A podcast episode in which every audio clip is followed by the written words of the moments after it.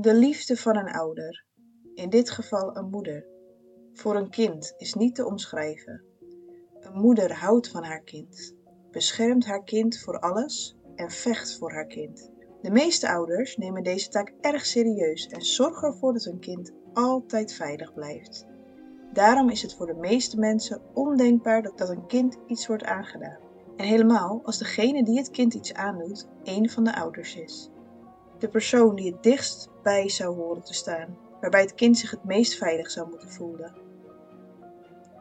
Kaylee Marie Anthony was twee jaar oud toen haar leven haar werd ontnomen. En daarbij ook haar toekomst. Het is niet te bevatten en de grootste vraag blijft altijd onbeantwoord. En dat is de vraag: waarom? Op 16 juni 2008 verdwijnt Kaylee. Een half jaar later, op 11 december, worden de overblijfselen van Kaylee gevonden in een waszak, samen met een deken.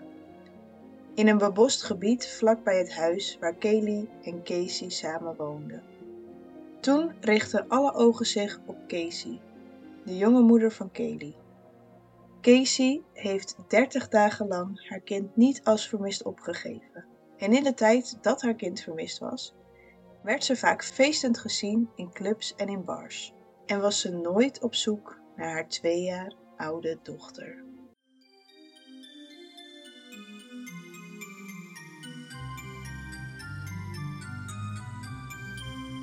Hallo allemaal, mijn naam is Lonneke en welkom bij weer een nieuwe aflevering van Moord en Mysterie. Vandaag ga ik het hebben over een zaak waar ik eerder op Instagram een post over had geplaatst. Ik heb jullie interesse gepeild en er bleek heel veel interesse te zijn voor deze zaak. Dus bij deze ga ik voor jullie helemaal induiken. Over deze zaak is er echt superveel informatie. Dus dit wordt waarschijnlijk een lange aflevering en misschien worden het zelfs meerdere delen. Wat wel verwarrend kan zijn in deze zaak is dat de naam van moeder en dochter heel erg op elkaar lijken. De moeder heet Casey, de dochter heet Kaylee. Zoals velen van jullie al weten, is Casey Anthony nooit veroordeeld voor moord. Ze loopt nu weer vrij rond. Er zijn mensen die denken dat ze onschuldig is. Maar veel mensen gaan ervan uit dat ze wel schuldig is. Deze zaak zal ik stukje voor stukje met jullie ontleden en aan het eind kun jij zelf je eigen conclusie trekken.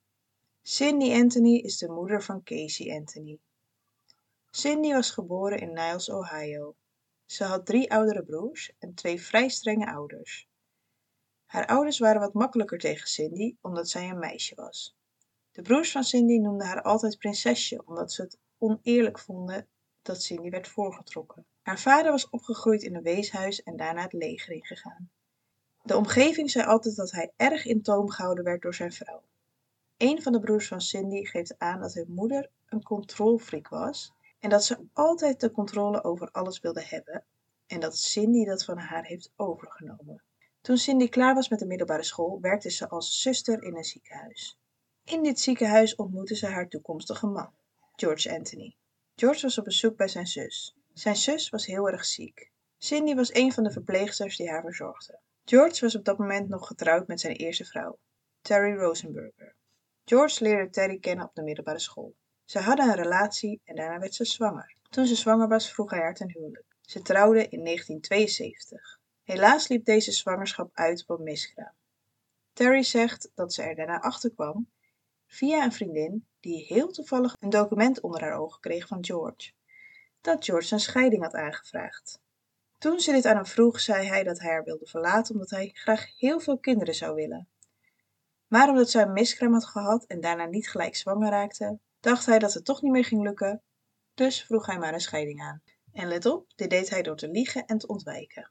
Je zal later in deze aflevering ook wel doorkrijgen dat dit in de Anthony-familie een terugkomend probleem is. George vraagt dus stiekem een scheiding aan, maar hij denkt er niet eens over na dat hij ooit het gesprek aan moet gaan. George Anthony werkt als politieagent. Zijn ex-vrouw vertelde dat hij alleen bij de politie werkte omdat dit hem een status gaf. Zodra hij politiekleding aan had en in een politieauto kon rijden, voelde hij zich heel erg goed. Eigenlijk was dit net alsof hij een masker op had, zodat niemand zijn eigen persoonlijkheid kon zien of zijn eigen onzekerheid. Een bron vlak bij de Anthony-familie heeft gezegd dat George constant op zoek was naar een moederfiguur. En dat George heel gek was op kinderen. Hij vond het fijn om bij kinderen te zijn en om met kinderen om te gaan. Volgens de bron heeft het waarschijnlijk te maken met dat kinderen geen bedreiging voor hem kunnen zijn. En dat kinderen ook niet slimmer dan hem zijn. Volgens deze bron was George vaak geheimzinnig en had hij het moeilijk om met anderen een connectie te maken. George liet mensen nooit dichtbij komen. Toen hij van zijn vrouw was gescheiden, zei zijn vrouw dat hij een pathologisch leugenaar was en verslaafd was aan gokken. George en Cindy kwamen bij elkaar en op 20 november 1982 werd het eerste kind van George en Cindy geboren. Het was een zoontje en hij kreeg de naam Lee. Lee was vernoemd naar de vader van George. De eerste paar jaar ging het heel goed, maar in 1985 besloot Cindy dat ze graag een huismoeder wilde zijn. Ze wilde direct stoppen met haar baan, maar er moest wel wat veranderen. George moest stoppen met zijn baan bij de politie en in dienst gaan bij zijn vader, zodat ze genoeg zouden blijven verdienen. George ging bij het autoverkoopbedrijf van zijn vader werken. Cindy hield wel van een luxe leventje. Ze hield van mooie auto's, dure spullen.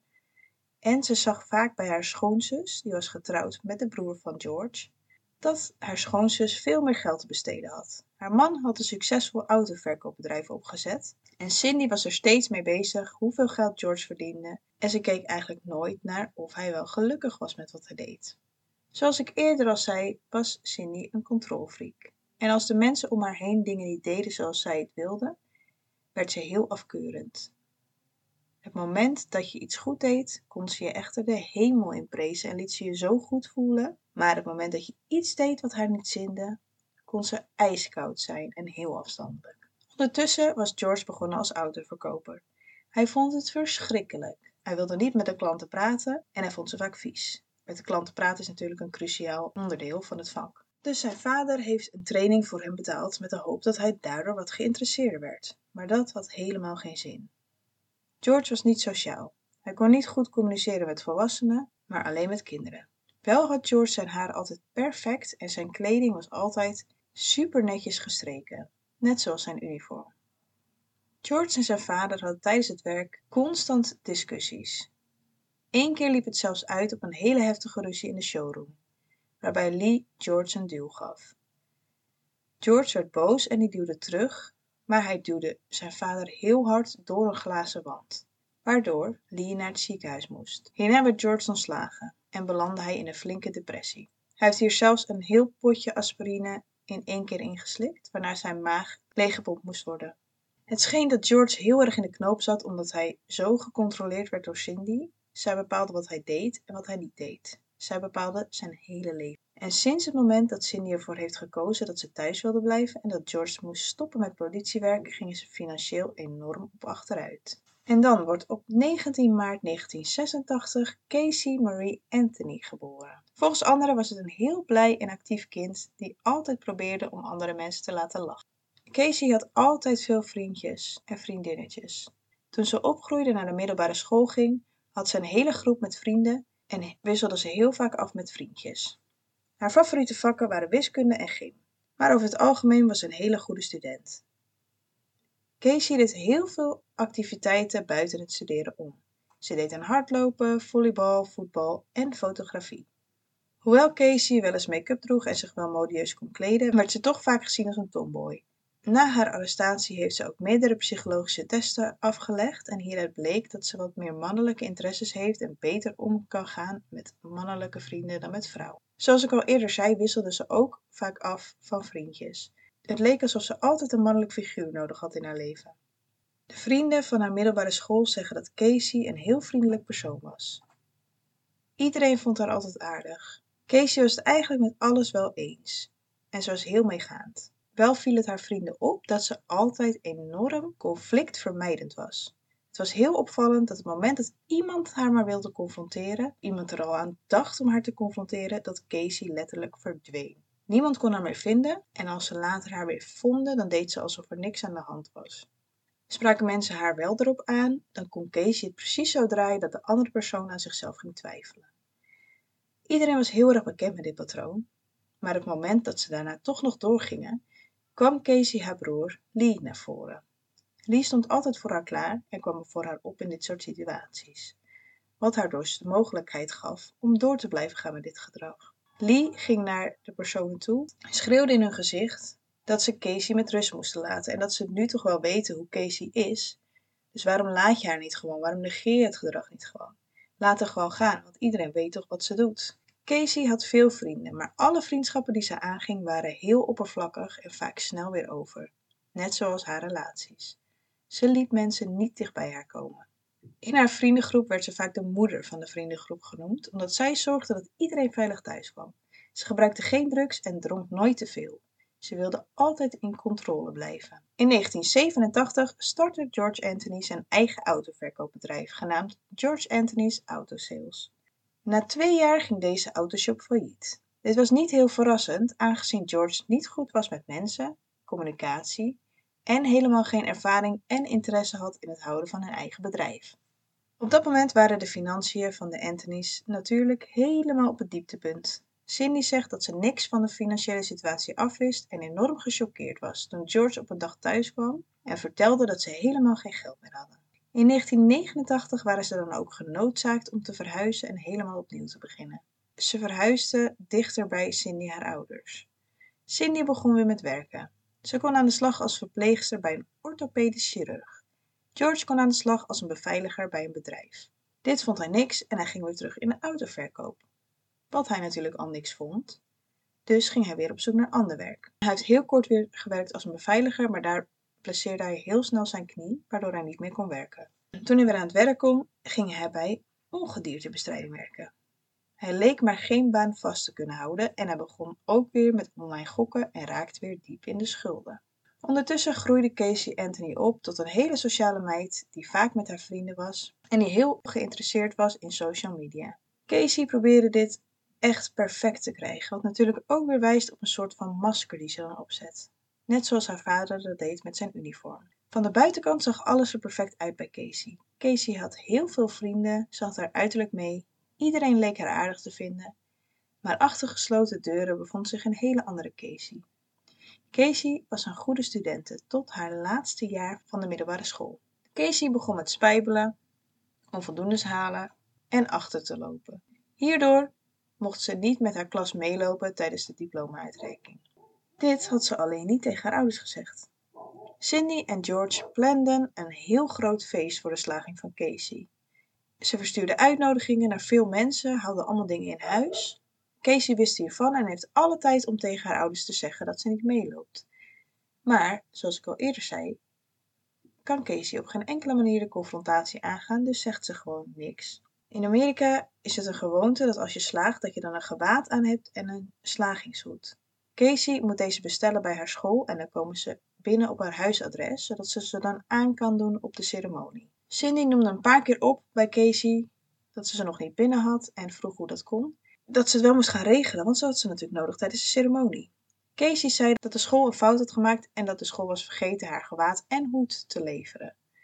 Een paar dagen voor de ceremonie worden Cindy en George gebeld door de school en in dit telefoongesprek wordt benoemd dat Casey niet mee zal lopen in de slagingsceremonie.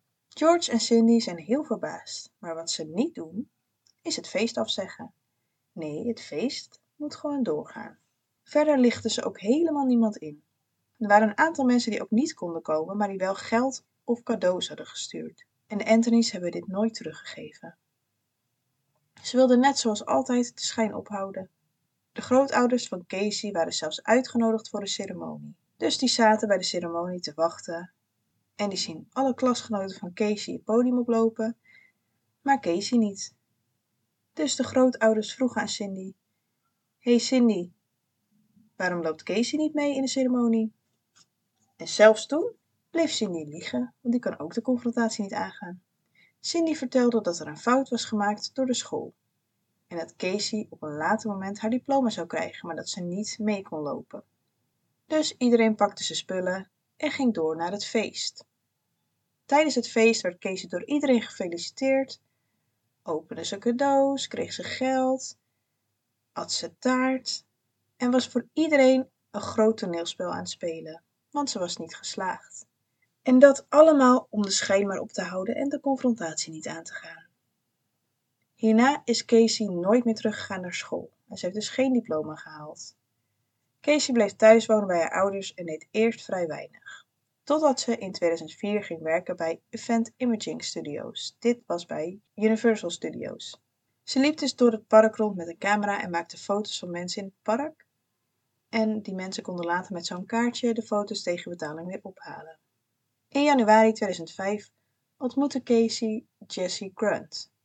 Jesse werkte als beveiliging bij Universal Studios en de vonk sloeg vrij snel over. Jesse en Casey begonnen te daten. Ze gingen heel snel op in hun relatie en ze gaven beide aan dat dit voelde zoals ze het nog nooit eerder hadden gevoeld. Volgens Jesse hadden ze een hele diepgaande band. Maar in maart werd het hem toch wat te veel.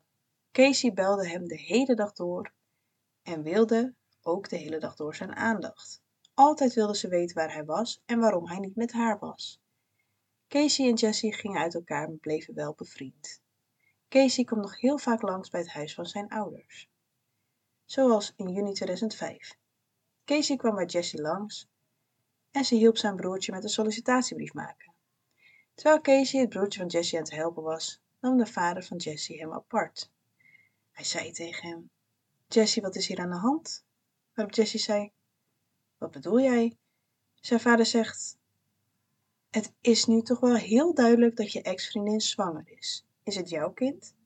Jessie was verward. Casey was wel wat aangekomen, maar ze zei steeds dat dit kwam doordat ze vocht vasthield. En dit heeft Jessie geloofd. In juni 2005 ging de broer van Cindy, Rick, trouwen. Tijdens de bruiloft sprak Rick Cindy en George aan en vroeg of ze hem wat moesten vertellen. Cindy en George zeiden: Huh, waar heb jij het over? Dus Rick zei: Nou, het is nu toch wel duidelijk te zien dat mijn nichtje van 19 heel erg zwanger is. Nou, George en Cindy keken hem aan alsof hij gek was. Ze zeiden: Dat hebben we gewoon gevraagd aan Casey. En Casey heeft gereageerd: Nee, natuurlijk niet. Je moet toch eerst seks hebben voordat je zwanger kan raken. En dat heb ik nog nooit gedaan. Maar echt iedereen op de bruiloft heeft heel duidelijk gezien dat Casey zwanger was. Ze had ook nog een heel strak topje aan, wat haar buik nog meer accentueerde. Dus ze probeerde het ook niet te verbergen. Ze deed gewoon alsof het er niet was. Rick adviseerde Cindy en George om Casey mee te nemen naar een dokter, omdat hij wel zeker wist dat ze zwanger was. Een maand later namen Cindy en George haar inderdaad mee naar de dokter. Toen bleek dat Casey acht maanden zwanger was. Acht maanden, dus was gewoon bijna op het einde van de zwangerschap. Dit vind ik nog steeds zo bizar, dat je gewoon acht maanden lang tegen iedereen blijft ontkennen dat je zwanger bent. Je hebt geen enkel plan, want er komt straks gewoon een baby uit je.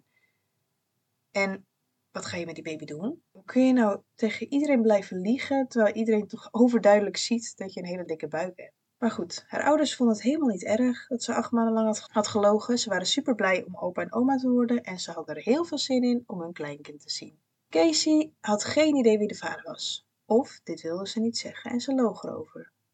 George en Cindy wilden haar niet pushen. Ze besloten het er maar niet meer over te hebben. George verklaart later: Nou, ik weet één ding over een zwangerschap bij een vrouw. En dat is, als je ze onder veel druk zet, kan dat impact hebben op het kind. En omdat Cindy een verpleegster is en de dingen die ze doet, en ja, de dingen waar we het over hebben gehad, kwamen we er overeen dat we haar maar gewoon zouden laten. En misschien kwamen we later wel achter wie de vader was. Dus haar ouders maakten er eigenlijk niet zoveel van. Toen Casey erachter kwam dat ze zwanger was, belde ze gelijk Jessie Grunt, haar ex-vriendje. Jessie zat in een seminar, dus hij stuurde haar een sms'je met: Hey, ik kan even niet opnemen, ik zit in de les. Is er iets? Waarop ze een berichtje terugstuurt: I am pregnant and you are the father. Letterlijk niks meer erin. Dus uh, ja, shock van zijn leven waarschijnlijk. Uh, Jesse geloofde gelijk dat hij de vader was, maar hij vond zichzelf en Casey eigenlijk nog te jong en te onvolwassen om een kind op te voeden. Dus hij vroeg aan Casey of ze open stond voor adoptie. Maar Casey wilde het absoluut niet, zei ze. Casey had een vriendin, Kiyomara, en Kiyomara wilde heel graag een kind, maar Kiyomara kon geen kinderen krijgen. Dus zij vroeg of ze het kind van Casey mocht adopteren. Casey zei: Ik denk het wel, ik ga even over nadenken. Later die dag belde Casey haar terug en zei ze dat ze van haar moeder het kind absoluut niet ter adoptie mocht stellen. Het is niet duidelijk of dit echt daadwerkelijk bij Cindy vandaan komt of dat het weer een van de leugens van Casey herself is. Jessie wilde graag in het leven zijn van de baby, maar ondertussen had Jessie wat rekenwerk gedaan in zijn hoofd. en gemerkt dat er iets niet helemaal klopte. Casey was zwanger geworden voordat hij en Casey elkaar kenden. Maar elke keer als Jessie hierover begon bij Casey, werd ze geïrriteerd, heel verdedigend. Hij moest niet aan haar twijfelen, want hij was de vader. Tegen andere mensen vertelde ze steeds een ander verhaal. Elk verhaal was anders, maar elk verhaal had wel hetzelfde einde. Ze vertelde dat het een vriend van haar broer was, of een jongen die ze op, het feest, of een jongen die ze op een feest had ontmoet, of een random jongen uit de kroeg. Maar altijd eindigde het verhaal in dat de jongen vlak voor de tweede verjaardag van Kelly overleed door een auto-ongeluk. Er zijn ook geruchten, en dit zijn geruchten, dus ga er niet van uit dat het de waarheid is, maar het is een hele bekende theorie, dus ik moet hem even aanstippen, dat Casey vroeger seksueel misbruikt is door haar vader en haar broer Lee. En dat Casey hierom niet wil vertellen wie de vader is. Voor nu moet ik helaas een eind maken aan deze aflevering, want anders ga ik te lang door en heb ik niet meer genoeg tijd om te editen en een aankomende dinsdag online te zetten. Maar over twee weken ben ik bij jullie terug met deel 2. Ik ben nog niet zo heel diep ingegaan op de zaak zelf, maar ik denk dat het, dat het vooral in deze zaak heel belangrijk is om ook te kijken wat de achtergrond is van de Anthony's. Waar komt het gedrag van Casey vandaan en hoe kan het zover gekomen zijn? Ook is het belangrijk om alle informatie te hebben om aan het eind van deze zaak een mening te kunnen vormen. Over twee weken horen jullie me dus weer terug met deel 2. Vergeet me niet te volgen op Instagram op moord.en.mysterie voor alle updates op lopende zaken en updates op zaken uit eerdere afleveringen. Blijf veilig, lieve luisteraars.